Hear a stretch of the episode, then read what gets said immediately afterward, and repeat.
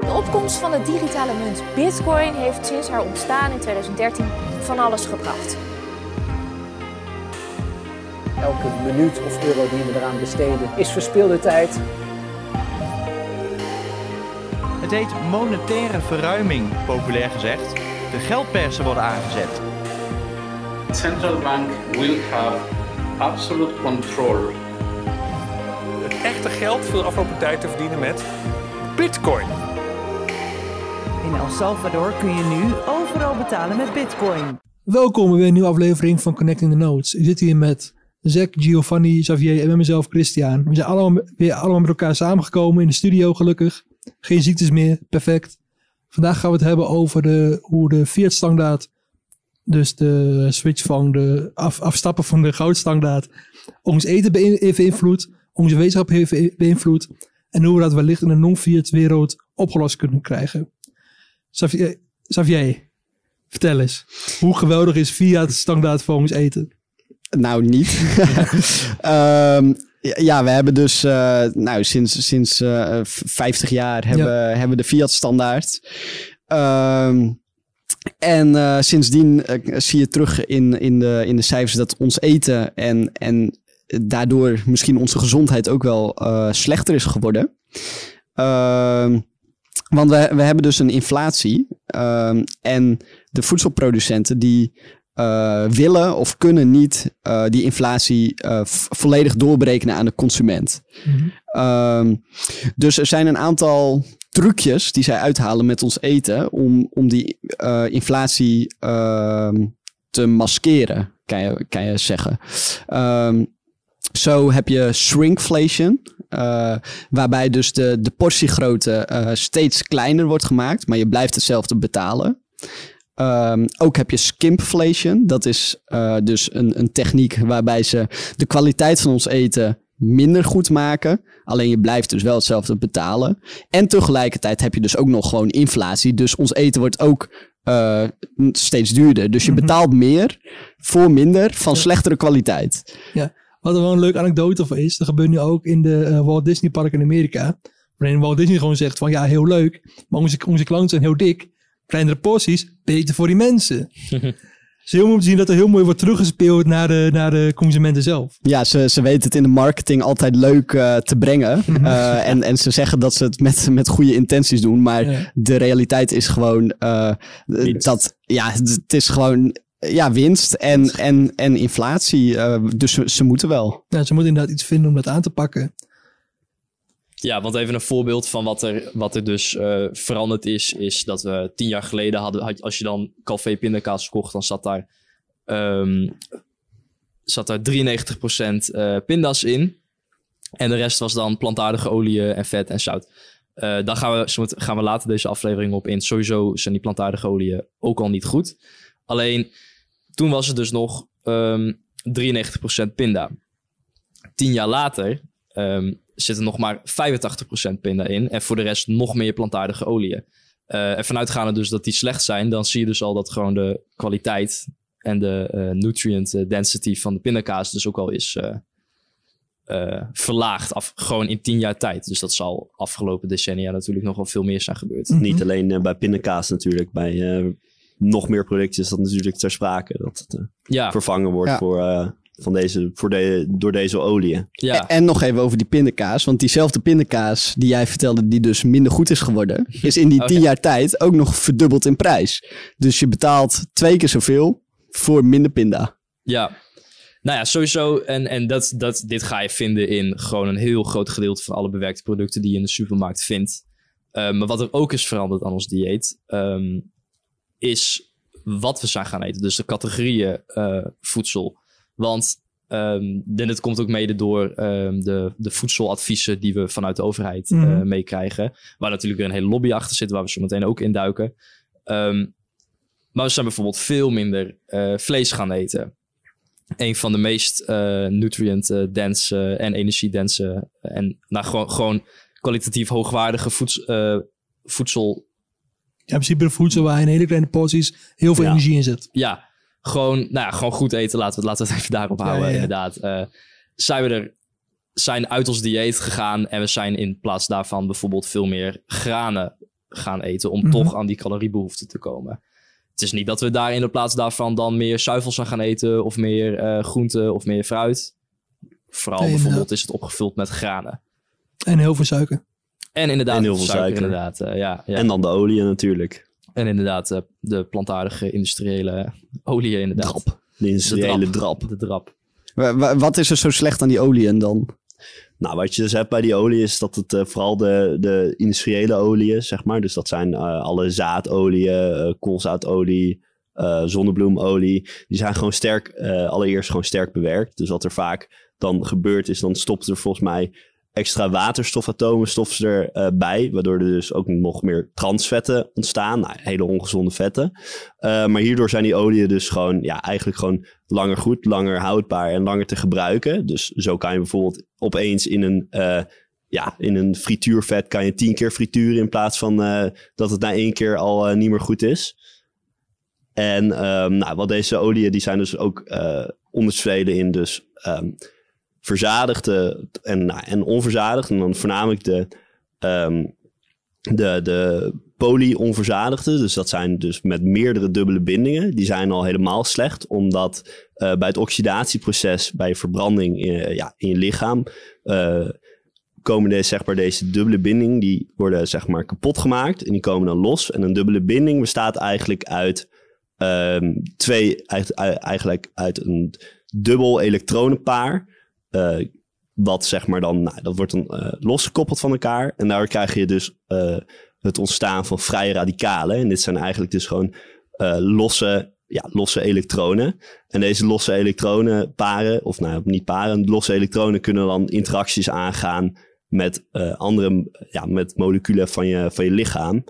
Ehm, omdat dit gewoon een heel instabiel atoom is geworden dan. Of instabiel molecuul. En dit kan dan inderdaad je DNA bijvoorbeeld aantasten. Of ehm, ja, noem maar op. Ja. Eh, Ja, en het is dus niet alleen dat, dat het een paar vrije eh, radicalen zijn die door je lichaam heen zwerven op zoek om iets te slopen. Ehm, want we eten die, nou ik zeg maar wat, we halen daar 20% van onze calorieën uit. Dus stel dat is zo, dan zijn we dus ook een groot gedeelte van ons lichaam zijn gemaakt van die, eh, ja, PUFAS, dus die poly-unsaturated fatty acids of zo. ja, klopt. En ehm, dat heeft dus als gevolg dat als jij ehm, dat het dus de, de schadelijke effecten van roken en van de zon uitvergroot. Ja, Dus klopt. ik bedoel, die dingen zijn sowieso. Roken die- en de zon maken sowieso meer eh vrije Die radicalen processen vrij. zijn er sowieso, Ja. zeg maar. Alleen nu gebeurt dat extra. Dus dan komen die vrije radicalen ook in je cel. En dan kunnen ze daar allemaal dingetjes eh, Ja. gaan doen. Ja, dus even een, een lang verhaal kort. Eh, er worden dus in plaats van dierlijke vetten... worden steeds meer plantaardige vetten aan ons eten toegevoegd. Ja, Ehm, en die, die worden zo bewerkt dat er eigenlijk allemaal vrije radicalen vrijkomen tijdens, tijdens de vertering daarvan. ja, klopt. Ehm, en die gebruik jij om je celinhoud mee op, op te bouwen, je celwand. En nou ja, die, die zijn gewoon heel slecht voor je. ja, Ja. Dat, dat is eh, het, het lange verhaal kort, geloof ja, ik. ja, Eh, klopt. Ja. En ehm, het interessante is ook dat ze worden neergezet als oh, plantaardige oliën en, en dat is een leuke verpakking. En, Ja. en het- ik dacht ook vroeger Vanuit- van dat is, dat is juist een van de gezondste dingen die je kan eten. Alleen, ehm, het bestaat nou, misschien 100 jaar, maar volgens mij nog niet eens 100 jaar. Het werd eerst, het, een paar van die oliën die zijn eerst gebruikt als eh, smeermiddel voor eh, gewoon industriële toepassingen. Eh, toen was er op een gegeven moment iemand die zei van... oh, we kunnen het ook de ganzen gaan voeren. om, eh, Mhm. Omdat het wel calorieën Ja. zijn, dus het is wel heel goedkoop. En toen dacht iemand van... oh, we kunnen er ook margarine van maken. Nou ja, en ja. toen bestond margarine dus een tijdje op de markt. En ehm, dat was toen nog niet heel populair. Alleen toen kwam dus ehm, Ansel Keys. En dat was een... eh, ja, wat was hij? Weet, je, weet jij dat? Eh, ik ken die hele gast niet. Oké, nou was, Nee. het was een wetenschapper, ik weet niet precies wat hij had. Maar die had dus, dat is dus het onderzoek ehm, van verzadigde, die, zeg maar, waar we al onze kennis over verzadigde vetten en heart disease en zo op hebben gebaseerd Ja. de afgelopen decennia. Ehm, want wat hij heeft gedaan, zijn hypothese was, dierlijke vetten veroorzaken eh, hart- en vaatziekten. Mhm. Ja. En wat hij daarvoor heeft gedaan, was gewoon een dataset van bijvoorbeeld 20 landen gepakt. Ehm, en als je die dan op een, eh, in een grafiek zet, dan was er nog helemaal geen lijn uit te trekken die, die een correlatie bijvoorbeeld eh, aanging of, of, eh, of aanduidde. Alleen hij heeft gewoon tien van die landen die wel een lijn vormden, zeg maar, gepakt, gebruikt als dataset. En dat was, dat was het onderzoek. En toen Ja. was iedereen van, oh, eh, we moeten dat eruit. En toen gingen ze dus die margarine verkopen en gingen we Ja. allemaal, nou ja, die, die troep eh, En vanuit, die, gebruiken. vanuit de mainstream media wordt inderdaad heel erg gesuggereerd dierlijk vet slecht, plantaardig vet goed. En dat ligt natuurlijk niet, eh, dat ligt natuurlijk veel eh, ge- ja, ongenuanceerder. Mhm. Want Ja. je hebt natuurlijk, bij wijze van spreken, nou, om maar even te noemen, olijfolie is dan Ja. eh, een redelijk ja, non-fiat, om het zo maar even te stellen, ehm olietype. En die ze heeft zeg maar vergelijkbare eigenschappen met bijvoorbeeld varkensvet. Ja, Ehm, dus, en dat verschilt natuurlijk ook weer in verhoudingen. Want de ene dierlijk vet heeft meer onverzadigd eh, vetzuren dan de andere. En dat is bij plantaardige olie natuurlijk ook zo. Dus het, je kan natuurlijk ook niet heel... eh, wat er nu wordt gedaan is dat er heel eh, genuanceerd wordt gezegd... eh, dierlijk vet slecht, eh, plantaardige Heel olie ongenuanceerd. goed. Heel ongenuanceerd bedoel je natuurlijk. Heel ongenuanceerd, ja, Ja, heel ja, zwart op ja, wit. Excuses. ja. Nee, eens even voor de duidelijkheid. Ja. Ja. Wel hetzelfde waar we niet dingen Ja, ik zat al te twijfelen van... eh, Ja, nee, dus de- inderdaad erin. Dus er zijn goede bronnen van plantaardige vetten. Avocados bijvoorbeeld ook eentje. Ja. ja. Ehm, en het is ook niet dat... Of, maar in ieder geval, eh, het wordt nu gebracht alsof dierlijk vet gewoon altijd slecht is. ja, en, eens. en dat de oplossing daarvoor... Ja, ik bedoel, je zou kunnen zeggen... doe dan meer olijfolie en avocadoolie en dat soort dingen. Maar in de praktijk, ik bedoel, dat iedereen heeft wel een fles staan om wat in te bakken. Alleen wat we in de praktijk het meest binnenkrijgen via ons bewerkt eten... zijn dus die andere oliën. Maar wat, wat zijn de, de krachten hierachter? Want stel dat het echt zo slecht is, ehm, hoezo wordt er dan toch aan ons eten toegevoegd? Ehm, nou, ik denk gewoon, een, eh, het is makkelijk op te schalen qua, Mhm. eh, ja, qua verbouwing. Eh, en het is denk ik heel eh, winstgericht, heel goedkoop ook. Ja, er zit sowieso financieel belang achter om eh, de inflatie eh, te verstoppen. Ja, Ehm, maar dat is gewoon vanuit het bedrijf uit die het niet willen doorberekenen naar de consument. Ja, dus eigenlijk is dit gewoon een stukje skimflation. Dat, Ja. eh, dat de kwaliteit van ons eten slechter wordt om die inflatie... eh, Ja. Maar het feit dat het, dat het nu wordt gepresenteerd als ook het beste, dat komt natuurlijk ergens anders vandaan. ja, Ja, oké, laten we het nog heel veel uh, pauzeren om dat stukje aan te pakken. Oké. Zou dit stukje, st- ja, zou het kunnen noemen sk- skimflation, niet ook gewoon het doel zijn van gewoon efficiënt te werken als mensen? Dat we inderdaad uit, uit minder eh, eh, werk meer kunnen halen. Meer mensen je dan kunnen die, die, voeden, ja, zeg precies. maar. Krijg je dan niet die efficiëntie ook gewoon daarin mee? Is dat niet sowieso een doel? Ja, want zou dit in een, in, een vrije markt niet ook gebeuren? Want eh, de- daarin zijn bedrijven natuurlijk ook op zoek naar de meest efficiënte Efficiënt, manier ja, om zoveel mogelijk te produceren. Ja. Dus wij noemen dit eh fiat voedsel en non-fiat voedsel. Maar is dit niet gewoon een, een logische stap eh, om zoveel Om- mogelijk ja. winst te maken? Om mensen te kunnen voeden op zo'n goedkoop mo- mogelijke manier inderdaad. Ja, nee, dat is sowieso ook een, een factor. Alleen ehm, als wij allemaal het geld hadden voor het, het ultieme dieet. En dat, Ja. dat, ik bedoel, daar hebben wij binnen. Nou, ik, heb de, ik weet het zelf ook nog niet. En we hebben daar met ons vier ook nog geen consensus over bereikt. En dat, dat, is nog, dat is moeilijk. Maar in ieder geval, het is duurder dan wat we nu eten. Ehm, als daar geld voor zou zijn, dan was die noodzaak als individu om over te, over te switchen op. Die ja, ik vraag me dat af, want dan ga je toch je geld juist... je hebt gewoon, als, eh, als je het blijft doen op deze manier, dus inderdaad goedkoper blijven eten, heb je toch gewoon, gewoon meer geld over voor andere dingen. Nou, Mhm. dat is dus niet zo, doen? omdat we in een nee. inflationaire maatschappij leven. Klopt, even binnen deze maatschappij niet. Eh, ik heb het even over de non-fiat en Oh ja, en goud en eh, bitcoin standaard. Zou je niet hetzelfde krijgen dan? Ja, dat mensen alsnog ongezonder gaan eten. Nee, dat mensen alsnog gaan kiezen voor de ehm, meest, meest goedkope manier van voedsel. Ja, Want voedsel maar is voedsel. Ik denk dat je daar, zeg maar nu ook, omdat we die, eh, nou ja, om zo maar even te stellen dat de, dat de ziekenhuis, de gezondheidszorg zit er nu ook heel erg inbegrepen dat je dat gewoon collectief betaalt. En dat je dus eigenlijk niet na hoeft te denken, want je kan sowieso het ziekenhuis in. Ja. Dat je daarom, als mensen zeg maar daar ook meer bewijs van spreken zo voor zou moeten betalen, dan denk je dat minder, dat minder mensen ook zomaar eh, zich hele leven Ja. doorlopen zuipen, doorlopen. Ja, want we hebben nu sowieso niet ehm, in, ons, in ons collectieve bewustzijn, zeg maar, het idee.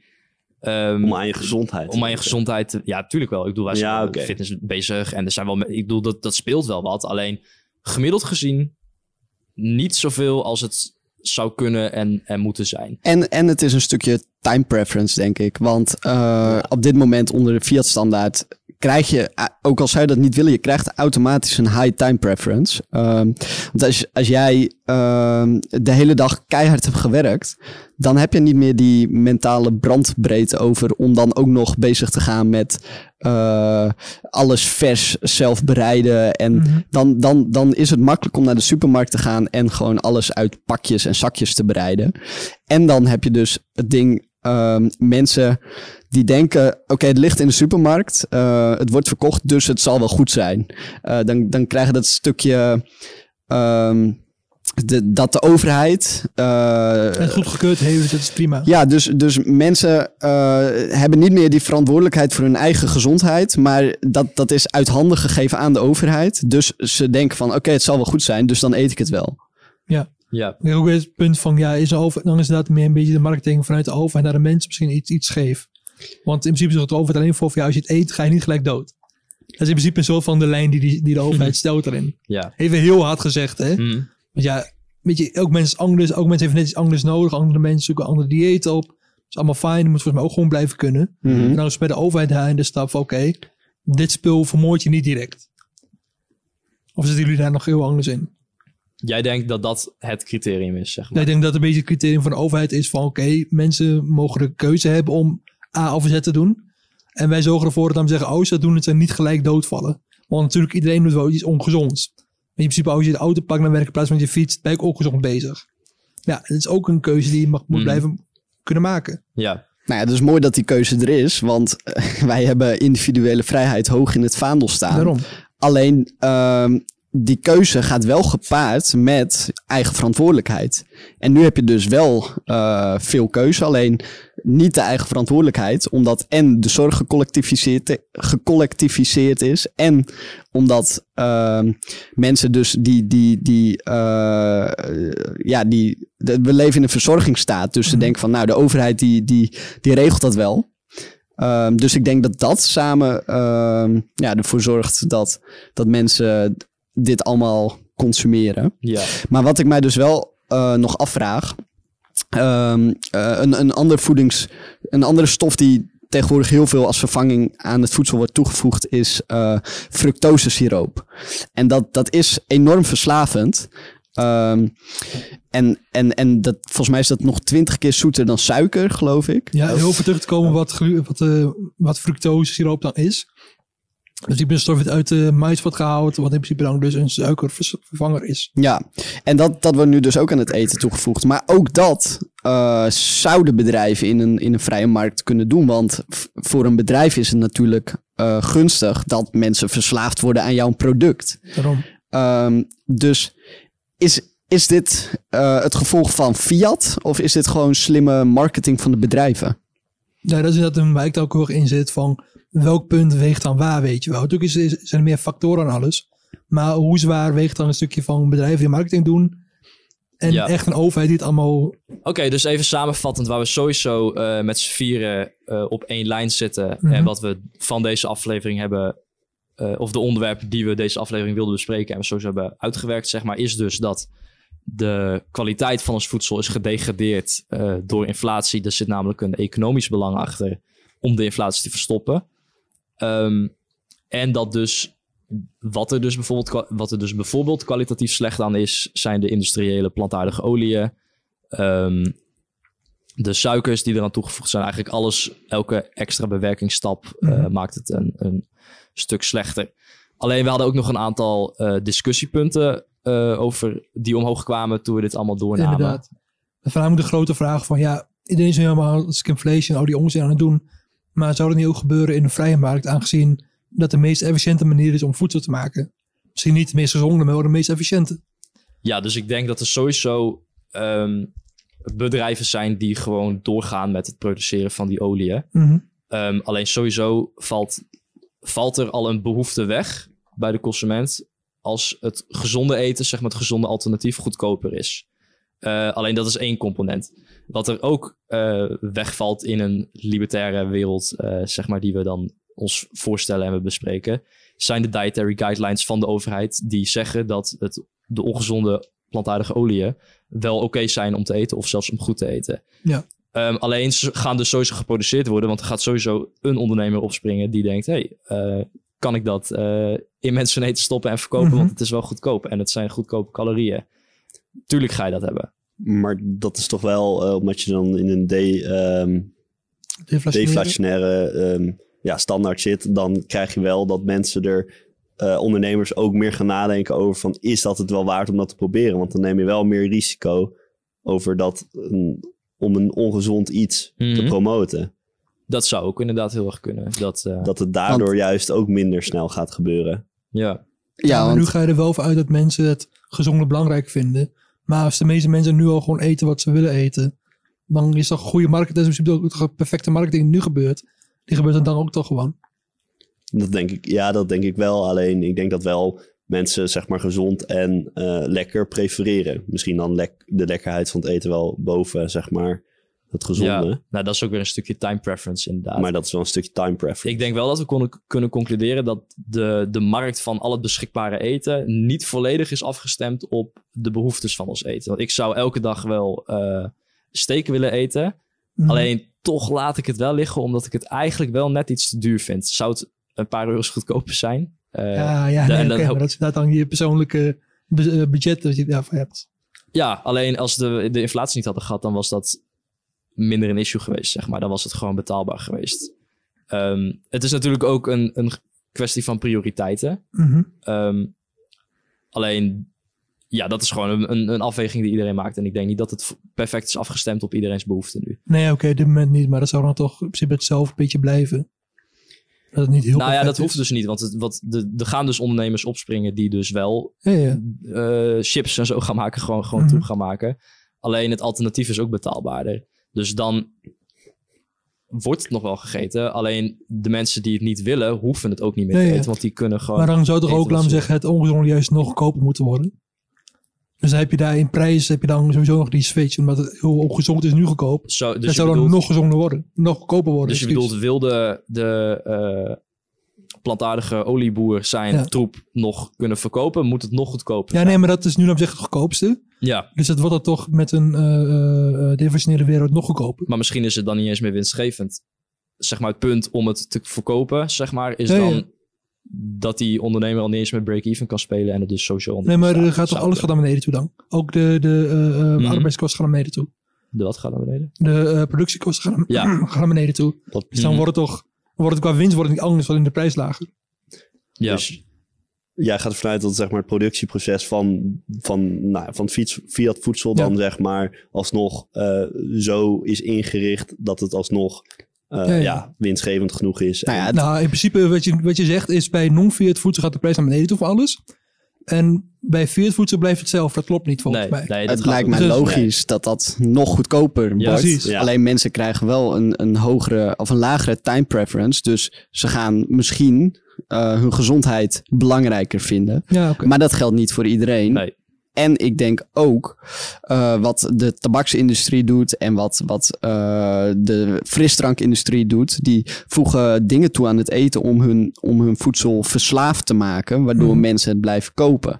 En die incentive, die blijft er ook. Weet je, bedrijven die willen dat jij verslaafd wordt aan hun product. Dus ik vraag me af of dat eh, onder een, een, een eh, non-Fiat standaard, of dat niet ook gewoon een ding blijft. Of nog erger wordt, omdat er Ja, als er toezicht is. minder regulatie is, weet je, waarom stopt niet iedereen zijn eten gewoon vol met is, verslavend? is zeg maar niet in de tabaksindustrie het nicotinegehalte verhoogd omdat er meer regulatie eh, op Eh, sprake nee, het is eh, En- verlaagd. Er is alleen meer rotzooi binnen tabak gekomen. Ah, oké, nicotine. Omdat er meer opvul, omdat er meer nicotine in de peuk mocht komen, is er meer opvul gekomen dan in tabaksplanten. Ah, oké. Ja. Ja, dat is. Ja, dat is, Ja, dat is een, beetje, dit is een, dit is een beetje een tegenstelling van eh, hoe dan toezicht wel goed Ja, werkt. want- Het is allemaal een ook- beetje genuanceerd in hoe en wat.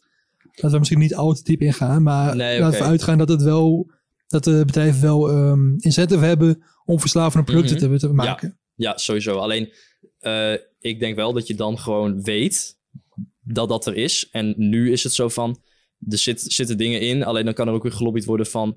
Oké, het is verslavend, maar de hoeveelheid, zeg maar de concentratie die erin zit... is dan aangetoond in een of ander random onderzoek... dat Ja, het dan wel, dat het in die mate niet slecht is. Terwijl dat misschien in elke mate is bijvoorbeeld slecht is. Dus nu leven we gewoon in een wereld dat dat je, zeg maar, er is een soort blind vertrouwen in bepaalde Mhm. instituten die zeggen wat we moeten eten. Ja. Dan is het er gewoon niet. En dan moet je je eigen research doen. Klopt. Dat nou, is ook lastig, want dan moet je inderdaad de goede bronnen hebben.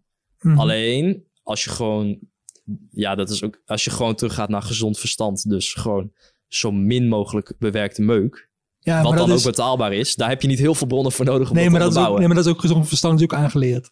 Je wordt niet wakker en je denkt, oh, ik ben gezond verstand. Dat is een jaar lang proces met informatie die je binnenkrijgt. Ja, klopt.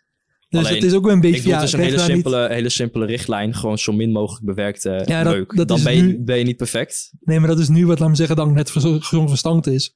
Als dan even heel dystopisch de, de eh, megabedrijven gewoon tonnen aan marketing overal in, inpoppen. Dan misschien de consensus binnen de mensen dat gezond verstand eh, bewerkte meuk is goed. Mhm. Dan zit je in principe met het zelfblame BS nog.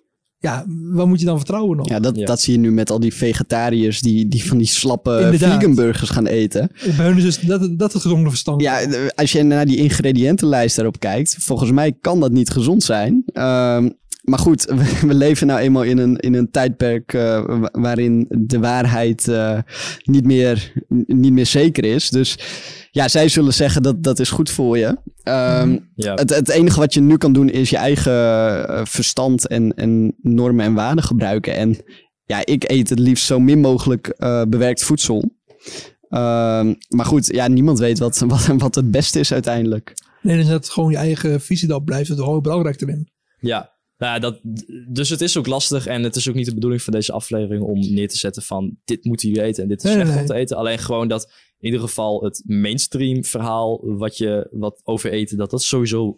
Ja, eh, Dat dan misschien wat kanttekeningen aan te, Ja, aan te ja. plaatsen ja we zijn. gaan eh, geen dieetadvies geven. Ik denk dat iedereen dat gewoon voor zichzelf moet, eh, Ja, moet en- uitzoeken. Alleen dus ik nog wel. niet uit, uit voor mezelf. Nee, ik weet maar, het ook nog niet. Maar Ik ben wel le- lekker op weg. als je eenmaal, als je eenmaal erachter komt, nou ja, die, die mindset die, die, die Bitcoin jou geeft, dat alles wat jou vroeger geleerd is misschien niet klopt, ja, dan ga je ook nadenken bij, eh, bij het, het eten wat je tot je neemt en eh, bijvoorbeeld dat narratief van dat het klimaat eh, verandert. Dat, al dat soort dingen ga je dan bij nadenken en dan, nou ja, dan, En, kom je hierop uit. En jij had nog een vraag, Xavier, over, ehm, eh, zeg maar, een praktische vraag over Ja, het, het Ehm, alternatief, zeg maar.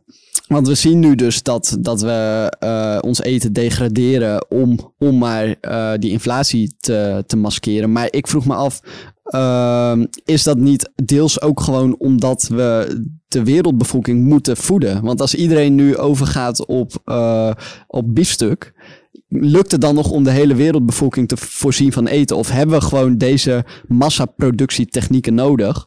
Want die worden vaak ook geprezen in, in de schoolboeken als zijnde eh, overwinningen van, van de mensheid. Dat we, dat we deze agrarische technieken hebben. eh, ja, Gemasterd inderdaad. ja, Ja, dus, ja. maar, maar ehm, lukt het om de hele wereldbevolking te voorzien van, van non-fiat eten? Nou, dat is dus inderdaad een interessante vraag. Maar ehm, wat ik bijvoorbeeld sowieso weet, is dat een bepaalde vorm van eh, eh, landbouw, zeg maar, die nu in de, nou ja, in die een soort van in opkomst is. Ja. Eh, dat noemen ze regenerative eh, agriculture. Ja. Ehm, die is dus per vierkante meter productiever dan ehm, de massalandbouw die we nu hebben met, met meststoffen en met trekkers en, dat, en ploegen en dat soort dingen. Ehm, want dus je, je hebt meer voedsel en meer, dus je, zowel plantaardig, dus zoals groenten bijvoorbeeld, als vlees per vierkante meter, die je daar uit die, uit die manier van landbouw kan halen. Ehm, En hoe werkt die manier van, van landbouw? Leg, leg ik zo uit. Leg ik zo uit. Ehm, dan dan de huidige, het huidige systeem. enige wat daar vereist is, is dus meer handarbeid. Ja. Ehm, zouden we geen inflatie hebben gehad, hebben gehad eh, zou handarbeid goedkoper kunnen zijn. Ehm, en zouden we dus dat systeem op veel grotere schaal kunnen, kunnen ehm, gebruiken. En wat ook een voordeel is van dat systeem, is dat het dus ehm, grond die nu ongeschikt is als landbouwgrond, ehm, dus, dus onvruchtbare grond, juist weer geschikt maakt als landbouwgrond. Ehm, omdat, want het systeem is dus dat je, ehm, even zien zover ik weet, het huidige systeem, je hebt gewoon goede vruchtbare grond, Ja. maar die wordt omgeploegd. dus daarmee sowieso verneuk je eigenlijk al de biodiversiteit in die grond, omdat de, de dingen die diep in de grond horen te leven, zeg maar, bovenop komen. Die drogen uit en dat, en, en dat soort dingen. Ehm, de meststoffen, eh, die hadden ook een effect. Maar ik weet Ja, niet die zorgen er juist voor dat je zeg maar na, eh, na, na het inzaaien van bepaalde vo- nou, voedsel en dergelijke, dan put je de grond uit, zeg maar. En specifiek voor elk voedsel heeft natuurlijk weer andere voedingsstoffen uit de grond nodig. En zeg maar kunt of mest ervoor is dus dat je dat weer aanvult. Ja, dus dat je daarna ja. weer op hetzelfde stuk Ja. land weer kan verbouwd worden. Ja, maar dat ploegen, dat, dat, dat is dus slecht voor de, voor de eh, voedingsstoffen in de grond. En eh, de, die meststoffen vult het dus weer aan. Ehm, en je hebt dus eh, monocultuur. En, want dat kan alleen op grote schaal. Dus dan Mhm. heb je overal hetzelfde zaadje, overal hetzelfde, hetzelfde gewas. En daar moet je dus ook een pesticide bij gebruiken.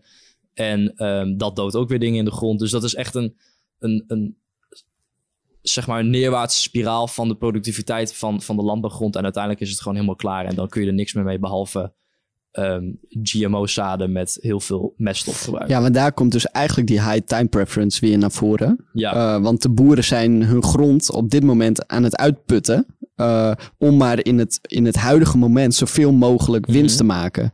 Alleen daarbij denken ze niet na eh, over, over de toekomst waarin hun productiviteit alleen maar zal afnemen. Ja, inderdaad. En het alternatieve systeem, dus de regenerative farming, daarbij heb je dus niet gewoon meststof gemaakt van, van volgens mij fossiele brandstof. Ik weet niet precies waar dat van wordt gemaakt, gas of zo.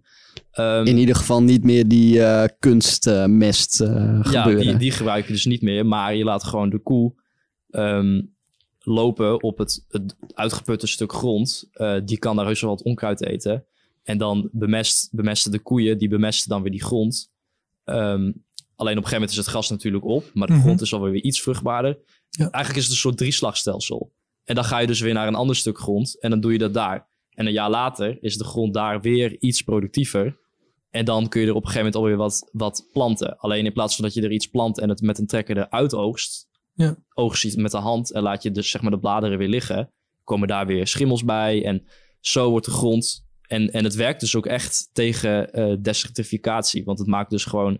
In het zuiden van Texas zijn ze daar dus gewoon gebieden die verwoestijnd zijn door de landbouw afgelopen eeuwen. Weer gewoon aan het vergroenen.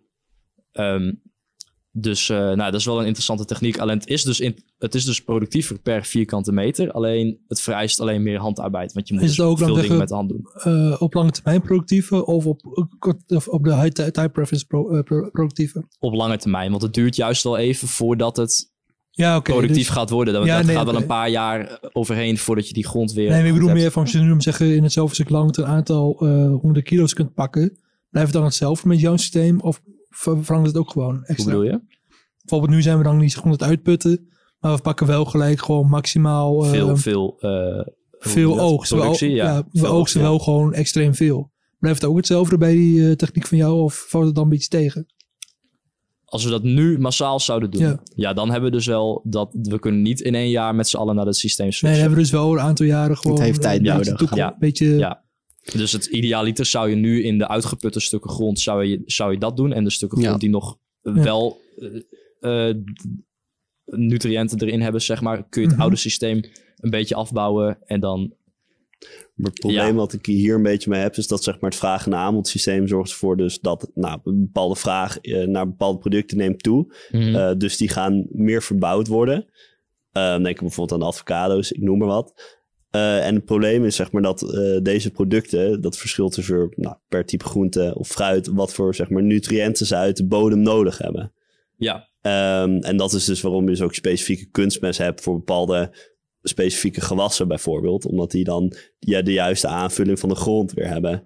En wat jij dus nu zegt is dus het- even relativerend, is dat je dus op één stuk grond dan meerdere soorten zou gaan verbouwen. Mhm. Van verschillende soorten, nou, wat er misschien eventueel dan wil groeien. Ja. En dat je die dan eh, allemaal op een, op een ja, kluitje. kluitje laat groeien. Ja, ja ehm, dat kan inderdaad juist voor, met dingen die je eenmalig erin doet. Ik, ik denk dat dat zijn aardappels en mais en wortels bijvoorbeeld. Is dat bijvoorbeeld wel heel chill. Want al dat plantaardige materiaal dat sterft af. En dat, dat, die nutriënt, dat werkt dan zeg maar cyclisch in, die, in, in dat stuk. Ja, dat, dat, dat, snap ik inderdaad. Want daar moet je dus ook be- bemest worden, omdat je alles weer weghaalt. En dan heb je dus niet inderdaad die Ja. afbraak van die... eh, Ja, Maar met avocado's inderdaad, dat is inderdaad een, een, een grote gaard met allemaal verschillende, of met allemaal avocado's. Ja, dan zou je misschien daar dan bijvoorbeeld eh, dieren tussen moeten laten grazen of ook andere gewassen ertussen. Maar ik weet natuurlijk niet welke plant wat nodig heeft en zo. Mhm. Alleen in het wild groeit een avocadoboom ook gewoon. Ehm, alleen je wil natuurlijk ook bepaalde mate van productiviteit. Ja, Behouden, per, inderdaad. een- niet één avocadoboom per. nee. Dat. Dat wordt gewoon lastig voor de eh, voeding van de mens natuurlijk. Ja, alleen ik denk wel dat als, ehm, als we gaan, zouden gaan switchen naar het systeem waar een harde geldstandaard bij gaat helpen. Ja. Ik bedoel, het is niet dat we dat automatisch gaan krijgen. Dat moeten we ook e- echt werk zelf nog weer bovenop doen om dat te gaan doen. Dat je wel veel meer kleinere boerderijtjes krijgt, die dus inderdaad wel een paar appelboompjes hebben en een paar van dit en een, en een koe.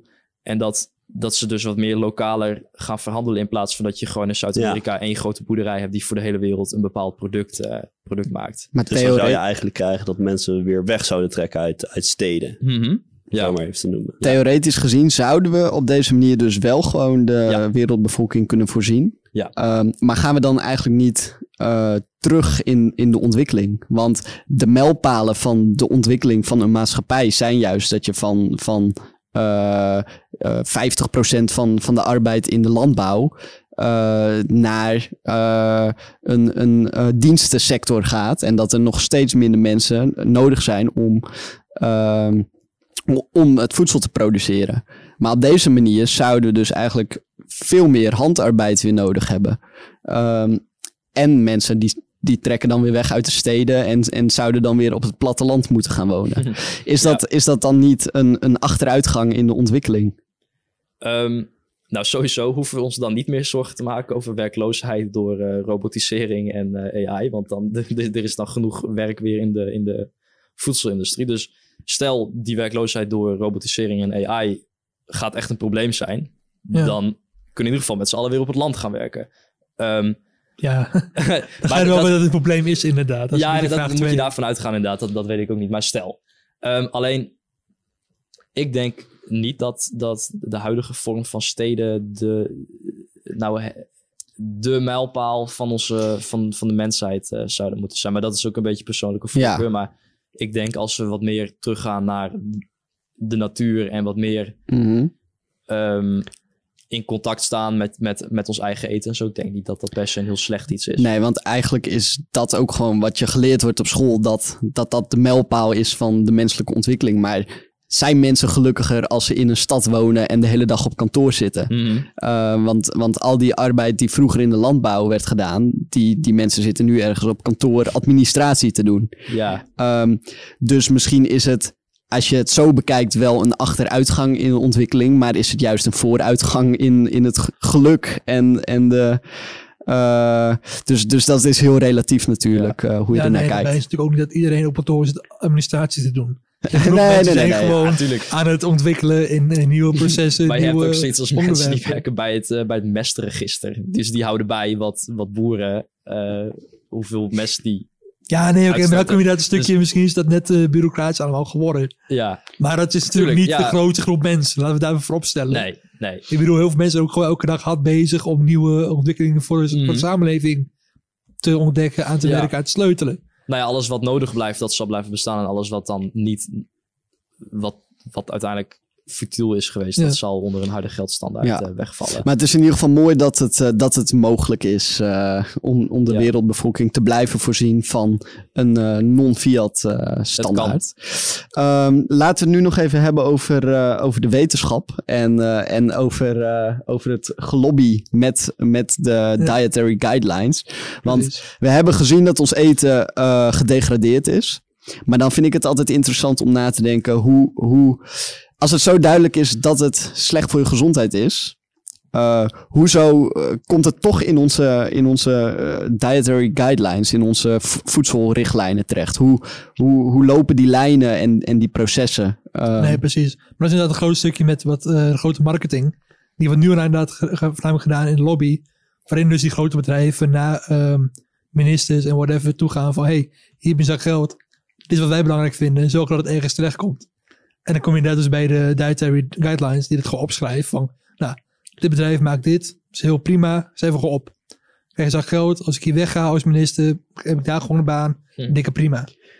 Ja, Ja, dat is een lijntje. Nou, ik, ik denk trouwens, laten we even vooropstellen dat op elk niveau van besluitvorming, vanaf het, het lab tot aan de uiteindelijke richtlijn, daar kan ingegrepen worden door Mhm. belanghebbenden. Elk niveau, eh, daar gebeurt dat. Ehm, Want, eh, want een van de lijntjes, inderdaad, waar dat ook op gebeurt, is, ehm, is de wetenschap.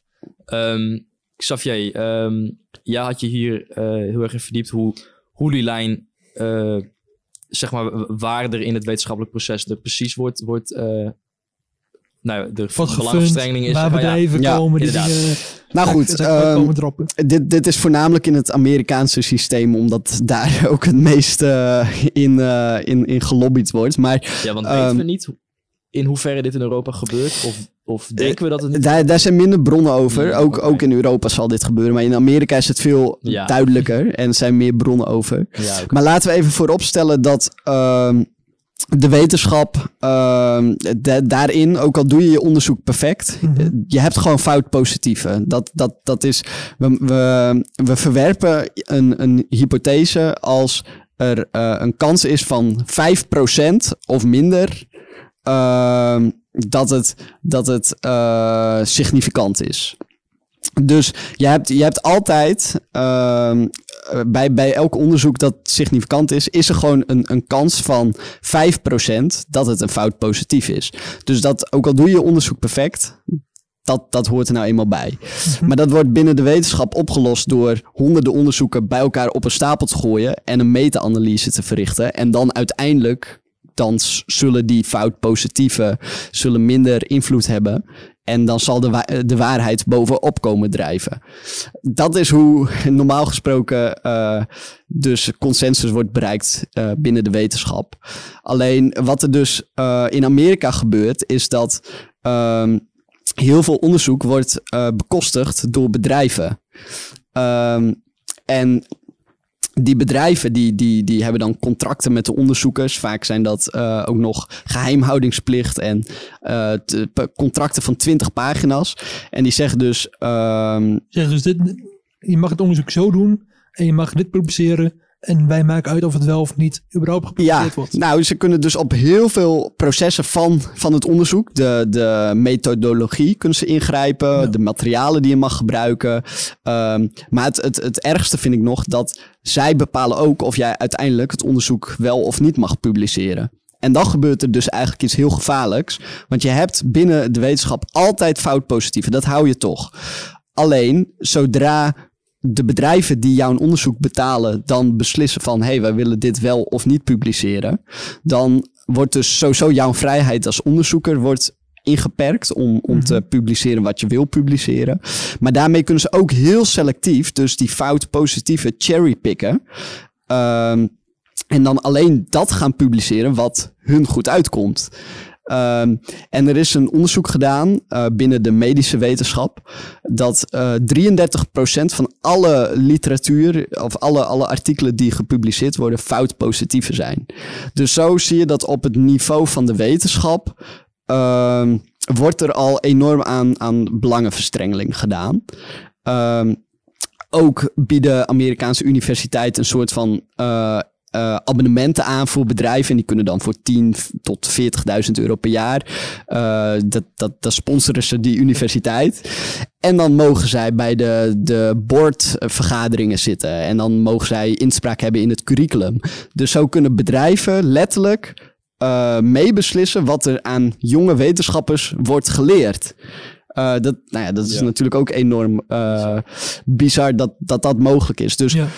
ehm, op heel veel processen kunnen gewoon bedrijven eh, de wetenschap sturen. En het doel van, van deze podcast is ook absoluut niet om de wetenschap ehm, te ontkrachten. Dat, dat, want de wetenschap heeft ook heel veel goeds gebracht. Maar ehm, het is ook niet de heilige graal. Het is niet zo van als iets bewezen is, is het ook zo. Dat, dat, Nou ja, als er, als er consensus over is, zeg maar. Zo. Of als er een, een onderzoek is die een bepaalde uitkomst heeft. Ja, want, want dus de, de kan binnen die wetenschap. Het, ze zeggen altijd wie betaalt, bepaalt. Ehm, en eh, de, de eh, overheid die betaalt min, steeds minder geld aan de universiteiten. Dus ze zijn afhankelijk van bedrijven die hun gaan funden. In Amerika is dat echt wel een, een, een issue. Maar dan krijg je dus ook eh, dat als, je, als jij geld krijgt van de Hartstichting om, om onderzoek te doen naar cholesterol, dan ga jij niet jouw onderzoek publiceren die laat zien dat cholesterol slecht is. Want je, je wil iets. Of, of dat het niet slecht is. Want Ja. je, je, je wil iets significants aantonen. Ehm, dus daarin kan al hele erge bias optreden. Ja, dus het is, geeft wel heel erg duidelijk aan hoe, hoe de game eh, rigged is, eh, zeg maar nu. Alleen, ehm, jij zegt er komt dus minder funding vanuit de, vanuit de overheid. Misschien, misschien is dat in Europa bijvoorbeeld wel meer juist. Ehm, en het zijn dus nu private partijen die de wetenschap eh, beïnvloeden. Hoe gaat nog minder overheid? eh, en, en dit is eventjes een, een, een, een vraag waarvan ik zelf ook wel het antwoord wil, maar ik gooi hem er even in. Hoe gaat minder overheid en meer vrije markt dit verbeteren? Ja, ja, want wij als bitcoiners zijn natuurlijk... Wij willen zo'n klein mogelijke overheid. Ja. Maar dat is wel een beetje een paradox met wat ik nu zeg van... de overheid die fundt minder universiteiten, dus gaan bedrijven doen en dat is kut. Ja, Eh, dat is een beetje paradoxaal natuurlijk. ja. Ehm, maar eh, nou ja, kop jij maar in. ja, ja, is goed. Want toch denk ik dat op een volledig vrije markt, dus wanneer je weet dat, eh, want nu, ik bedoel, ik dacht nog, tenminste, ik dacht wel dat, en de, misschien is dat in Europa wel zo, dat, dat juist universiteiten heel erg veel gesponsord worden vanuit de overheid. Ehm, en in ieder geval, dat is wel een reden dat we daar veel vertrouwen in hebben, omdat het, ja, het is een beetje, ja, Ja, het, is, het is een autoriteit. Ja, maar in principe zou een overheid ook niet biased moeten zijn. Die betalen inderdaad voor het beste onderzoek, omdat ze niet Mhm. heel veel hebben Ja. of het A of B is. Maar goed, ook zij hebben natuurlijk een, een bias die ze, die ze misschien opzoeken. Ja, nee, maar in principe in de theorie van de overheid zou dat Ja. niet gebeuren. Want die is in Inderdaad. principe van, het maakt niet uit wat het onderzoek is, we doen het voor, voor onze burgers. En onze burgers moeten gewoon het wetenschappelijke antwoord hebben. Ja, ja dat is het idee erin. Dat is inderdaad de, de, de gedachte achter. Alleen op een volledig vrije markt. Eh, dus wanneer er nul overheidsinmenging inmenging is, zou dus al het geld van een universiteit van de, de, ehm, het collegegeld moeten komen, wat de studenten betalen. Want Ja. die, die willen goede informatie leren. Dus hoe beter de kennis, hoe meer je ervoor bent bereid te betalen. Mhm. En hoe hoger aangeschreven de universiteit. En ehm, als de universiteit daar sowieso niet van rond kan komen, dan zullen ze toch geld aan moeten nemen van private partijen. Ja. Alleen, welke student gaat nog naar een universiteit op een, op een vrije markt, dus waar je echt goed moet kijken van naar welke ga ik, waarvan je al weet dat zij, ik bedoel, geld aannemen van een bedrijf is niet slecht, want die zijn ook een opdrachtgever, een reden om onderzoek te doen. Mhm. Alleen, je wil niet meer naar een universiteit die dus zeg maar een bedrijf zo ver laat meebepalen in het wetenschappelijk proces. Die kun je gewoon niet meer serieus nemen. Nee, Oké, maar hier is dan wel nog een, een tweede punt wat ook belangrijk is volgens mij. Als je dus een, een overheid hebt die alleen maar op eh Twitsi eh, draait, is misschien wat tien keer duurder iemand die dat niet doet.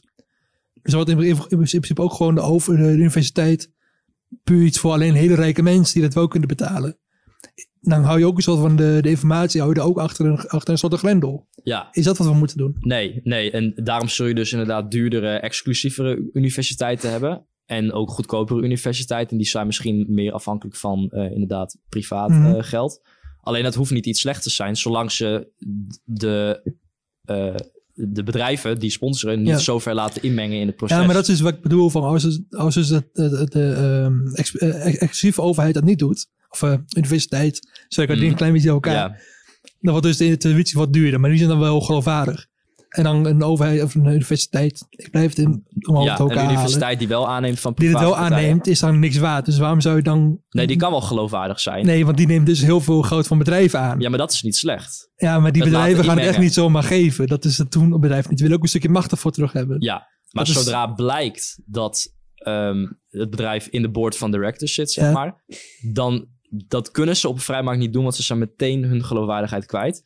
En nu, als dat nu gebeurt, we zien dat gewoon als iets vanzelfsprekends. Ja, want we hebben nu ook geen keuze naar welke universiteit je gaat. Want eh, sowieso de universiteit, iedereen denkt van, oké, dat zal wel goed zijn, dat is autoriteit. Dus Nee, op Je een, hebt toch gewoon meer universiteiten in Nederland. ja, je hebt wel meerdere universiteiten, alleen ehm, dit, dit is niet juist omdat het door de overheid grotendeels betaald wordt, ehm, is dat is eigenlijk weer precies dat stukje individuele verantwoordelijkheid. Dan, dan denken mensen van, oh, het zal wel goed zijn. En op die vrije markt zul je ook echt hele slechte universiteiten hebben. En dat gaat elkaar eruit concurreren. En dan zal dus ook de universiteit die, eh, die allemaal geld aanneemt van, van, van bedrijven en, en helemaal eh, eh, corrupt is, die zal dan gauw genoeg boven komen drijven. Ja, dus in een wereld zonder blind vertrouwen ehm, heeft iedereen een motivatie om te werken aan hun reputatie.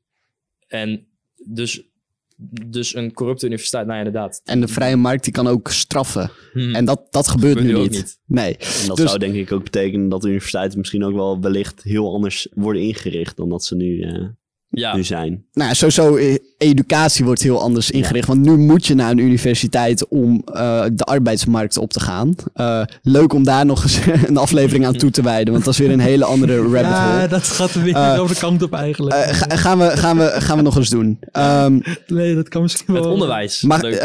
ja, maar tot zover dus eh, het onderzoek. Dus het, het onderzoek wordt al fundamenteel in, in de basis beïnvloed.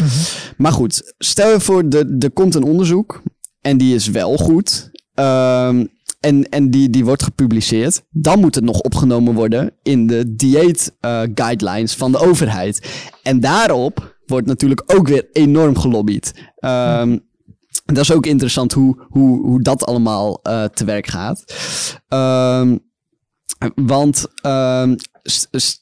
er zijn zoveel mensen die, die belang hebben bij die dietary guidelines. Want die, die, dat, dat wordt op school onderwezen aan, aan kinderen. De- denk aan de schijf van vijf. Iedereen heeft die op school gehad. Ehm, daar, het het, het eh, voedsel in de, in de kantines worden daar in alle overheidsinstanties op gebaseerd. Eh, eh, reclamespotjes. Dus daar valt miljarden in die industrie te verdienen. Ehm, dus eh, grote voedselbedrijven die hebben enorm veel belang om eh, die, die richtlijnen te beïnvloeden in hun, eh, ten gunste van hun voedsel. Een voorbeeldje daarvan is dat ehm, jarenlang werd gezegd dat, dat alcohol, twee glaasjes per dag, dat dat gezond is. Dat dat goed voor je is. Nou, in de medische wetenschap is al lang consensus bereikt dat alcohol gewoon elke druppel is er één te veel. En dat is niet goed voor je. Toch stond dat heel lang in de, in de eh, dieetrichtlijnen. En dat is precies zo'n zo'n puntje waarop enorm veel... Er wordt miljarden door, door de alcohol... Ehm, je, je, hebt dan eh, de alcoholindustrie, al die bedrijven die vormen dan samen een bond. En die bond die gaat dan lobbyen eh, bij, de, bij de, nou ja, in Washington, eh, waar dit allemaal besloten Bij de wordt. FDA inderdaad. Die, die gaan dan lobbyen en die, die, die geven echt enorme bedragen uit om maar die, die richtlijnen in hun gunsten te, te krijgen. Dus eh, dat, ook op dat niveau wordt enorm veel... ehm, Goud ingestopt. om Enorm veel mensen die daar iets bij, baat bij hebben om het te veranderen. Ja, ehm, en dan kom je dus op een punt dat, dat als de dietary guidelines van de overheid niet meer te vertrouwen zijn, ehm, omdat echt letterlijk in elk punt van, van de wetenschap tot aan de invoering, als dat wordt beïnvloed door, door verschillende belanghebbenden. Ja. Ja, wat moet je dan nog geloven? Ja, wel een mooi stukje, terug- terug van de common sense. Want ja, dat baseer je ook ergens op. En als het helemaal fact is, vanaf het moment, vanaf het begin, wat is dan die common sense? Ja, want bijvoorbeeld, ehm, wij worden nu op school geleerd dat eh, vlees, dat je dat moet minderen, dat dat slecht voor je is. Ehm, en dat, dat staat tegenwoordig ook in de schijf van vijf, dat je dat je, je hoeveelheid vlees moet, eh, moet minderen. En er staat op, op de website staat, ehm, eh, eet je rood vlees, dan heb je meer kans op darmkanker, beroerte en diabetes, type 2. Ehm, en het belast het milieu ook meer dan wit vlees. Ehm, dus eigenlijk laat zij al een deel van hun incentive zien om rood vlees te minderen, het milieu.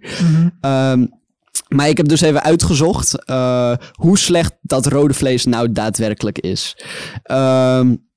En als jij 100 gram rood vlees per dag eet, je hele leven lang, dan heb je een relatief risico van 1,14 eh, om darmkanker te krijgen. En ehm, de, de, lifetime risk om darmkanker te krijgen is eh 4%. Dus 4% van de mensen die, die, nou, die, die krijgt uiteindelijk een keer darmkanker. Dus als jij een relatief risico van 1,14% of 1,14 hebt met een, een, een risico van 4%, dan zou dus ehm, het risico van je hele leven vlees eten eh, een half procent zijn. Nou ja, om even te relativeren, dat, dat fructose, eh, eh, wat in al ons voedsel wordt gestopt. Ik heb ook een onderzoek gevonden. En dit zijn, dit zijn allemaal meta-analyses. Ja, we hebben zo net de wetenschap ontkracht. Dus in hoeverre kunnen we dit nog, kunnen we dit nog serieus nemen? Maar in ieder geval, er zijn onderzoeken die laten zien dat dat ehm, eh, 23 tot 200 procent in die range een hoger risico geeft op kanker. En dat wordt nu in al ons eten gestopt. Eh, dus dan vraag ik mij af, willen zij echt onze gezondheid beschermen en gaan, zeggen ze daarom minder vlees eten? Of zitten daar andere belangen achter? Nee, maar dan komt er duidelijk neer dat er gewoon heel veel, veel mensen zijn die er belangen bij hebben dat het niet gebeurt. Ja, want belangen om, om vlees te minderen, dat zijn eh, klimaatactivisten. Die, die geven enorm veel geld uit om te lobbyen om maar dat, eh, de vleesconsumptie omlaag te krijgen. En je hebt dierenrechtenactivisten. En als die met z'n allen enorm veel geld eh, uitgeven om te lobbyen, ja, dan, dan, dan komen dit soort dingen gewoon in, in de dieetrichtlijnen terecht. Ja, ander belang zou kunnen zijn. ehm, maar goed, dit is gewoon giswerk natuurlijk. Is dat als je het vlees. Dus, dus als je dingen die het meest inflateren. ehm, Weghaalt. eh, inderdaad weghaalt. Dan hoeven ze ook een weer minder in het CPI. Sowieso kun je dan in het CPI weer de biefstuk vervangen door een separaat burger. Mhm. En dan is er helemaal geen inflatie. Te, als je zorgt dat mensen zeg maar, het geïnflateerde ding niet meer willen. Ja. Dan, Hoef dan is er geen inflatie meer Ja. van dat ding. De CPI is trouwens de Consumer Price Index. Daarna wordt berekend eh, hoe hoog de inflatie per jaar is.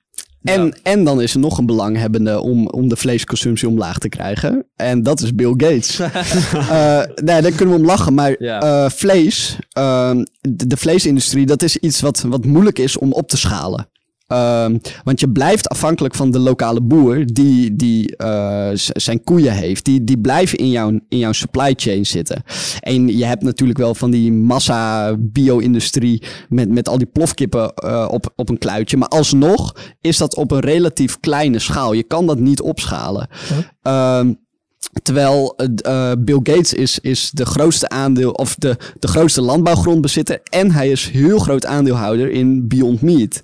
Ehm, en Beyond Meat, dat zijn van die, van die slappe vegetarische burgers. En die kan je wel opschalen. Ehm, nu zeg ik niet dat hij gelobbyd heeft om, om onze vleesconsumptie eh, omlaag te krijgen. Maar hij, hij heeft wel een incentive om eh, iedereen over te laten gaan op die slappe burgers. Want Ja. eh, dus al dat soort. Dat soort Ja, eh, sowieso is het natuurlijk een merk. En waarschijnlijk, misschien zit er wel iets gepatenteerds weer in. En, weer in, en er is gewoon ook gewoon veel meer geld ook mee te verdienen. ja, ja met, met dat soort burgers is veel meer te verdienen dan. dan vlees is eigenlijk, zou je decentraal kunnen noemen. En, en dus, er zit geen, geen persoon achter. Geen, dus, dus dat is, iets, is ook weer iets waar ze minder controle over hebben. Minder, eh, Mhm. eh, nou, gewoon minder mee kunnen dan inderdaad het alternatief. Maar nog even over dat ehm, onderzoek. eh, hoe lang hebben we nog trouwens? Ja, ik, kan het niet zien maar oké, laten we nou. het even in één stukje doen gaan we op. Maakt niet uit als we lekker bezig zijn, zijn we lekker bezig. Ehm, nog even over, over dat onderzoek ehm, van die, eh, dat verhoogde risico op, eh, op darmkanker bij het Mhm. eten van Ja. rood vlees. Sowieso leuk om te gebruiken, want het laat zien. Want dat Hoe is, zeg maar- scheef de wetenschap kan zijn. ja, maar het is ook binnen Of- hun narratief dat het dus slecht is. En als je gaat uitzoeken binnen hun narratief hoe slecht het is, dan is het al te verwaarloosd. ja, maar eh, want Maar- dat onderzoek is natuurlijk ook niet te vertrouwen. Hè? Nee. Nee, sowieso weet je niet wie dat heeft gedaan. Maar stel, dat is gewoon wel onafhankelijk en bla bla. Dan ben ik ook nog eens benieuwd. Het is alleen correlatie. Ja. Wie zegt dat dat niet een, een dat dat niet mensen zijn die gewoon het standaard, eh, de standard American diet zeg maar volgen. Ja. Dus ook veel gefrituurde dingen. Mhm. En toevallig veel vlees. En daardoor dus daardoor darmkanker krijgen. Je- Precies. Binnen, binnen de medische wetenschap is de gouden standaard een randomized control trial. Uh, daarin, daarin ge- geef je de ene groep ge- geef je een pil en de andere groep geef je niet een pil. En dan ga je kijken wat, w- wat het verschil is tussen die twee groepen. Ja. Maar dat, dat, dat kan je niet doen met, met dieetonderzoek. Want je, jij kan niet voor tien jaar lang of twintig jaar lang eh, tegen twee groepen zeggen: jij mag alleen dit eten en jij mag alleen dat eten. Dat is niet mogelijk. Nee. Dus dan kan je alleen eh, een, een, een retrospectief of een prospectief ehm, eh, cohortonderzoek doen. Dan kan je vragen van, nou, wat eet jij? Ehm, en, of hoeveel vlees eet jij? En dan ga je kijken eh, of diegene in zijn leven darmkanker krijgt. Of andersom, mensen met darmkanker ga je vragen van hoeveel vlees heb jij gegeten? Ja. Maar dat, daar zit natuurlijk zoveel bias in dat onderzoek. Want Ja. eh, je hebt recall bias. Ik bedoel, iemand die, die darmkanker heeft, die kan wel zeggen... ja, maar ik heb helemaal niet veel vlees gegeten. Maar die weet echt niet meer hoeveel vlees die 20 jaar geleden heeft gegeten. Nee. En je hebt natuurlijk dan nog wat jij zei, dat, ehm, dat mensen die veel vlees eten, die eten er ook een frietje bij. En die, die drinken ook frisdrank. Dus komt dat door het vlees? Of Ja. komt dat door de hele lifestyle eh, rondom vlees? Ja. En dan heb je nog, dus dat vlees aan zich misschien helemaal niet ongezond is. Maar al die shit die door de industrie erin wordt gespoten. Met, met, met al die hormonen die. die dus d- daar zit ook nog een enorm onderscheid tussen. Ja. En dit onderzoek met, met dat vlees.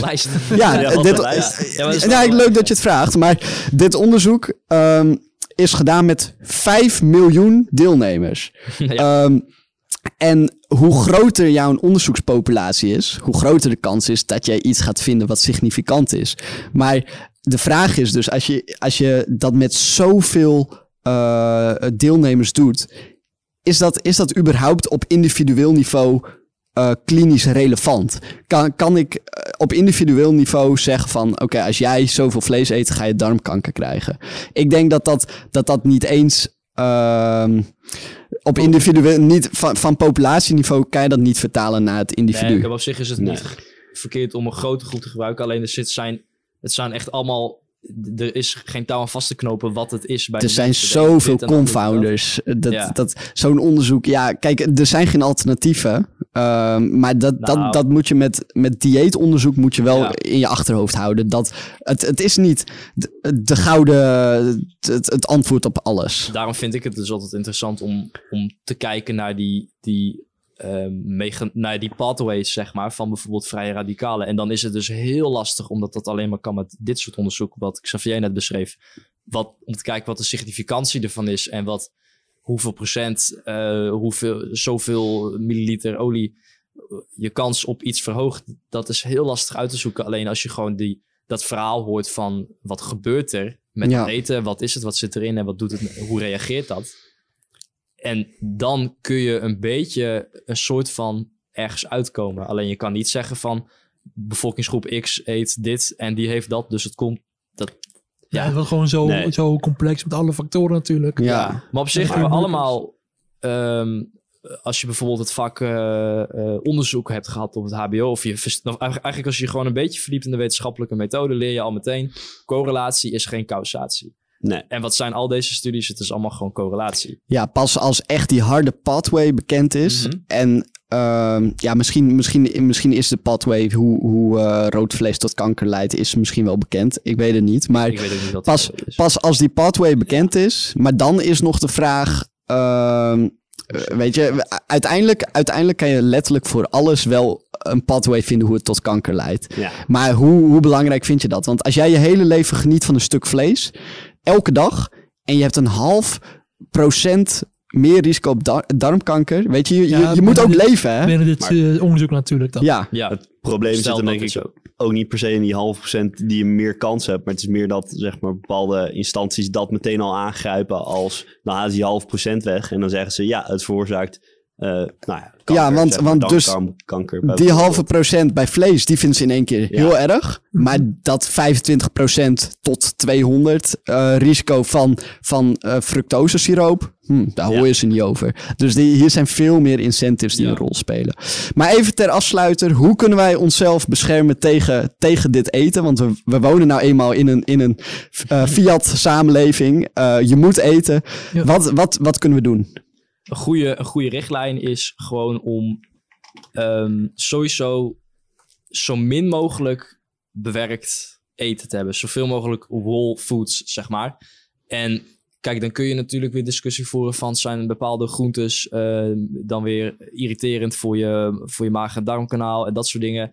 Alleen het feit dat je gewoon al niet meer eh, de bewerkte troep zeg maar, in je dieet hebt... dan, dan filter je al een heel groot gedeelte. Dat is ook... Je kan discussies voeren van... zijn vegans gezonder dan mensen die alleen maar vlees eten...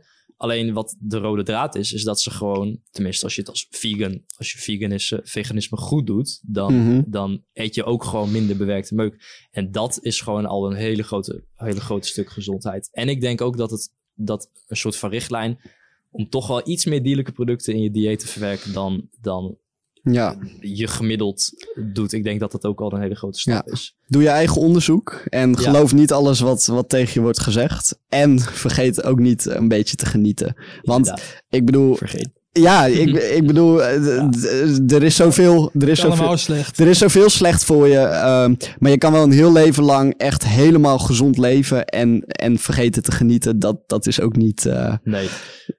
En met die wijsheid kunnen we denk ik het beste afsluiten. En hoop ik jullie over, over twee weken weer te horen en te zien. En heel misschien ook in de Telegram groep. Die staat gelinkt in de beschrijving. Tot dan. Tot dan. Tot dan.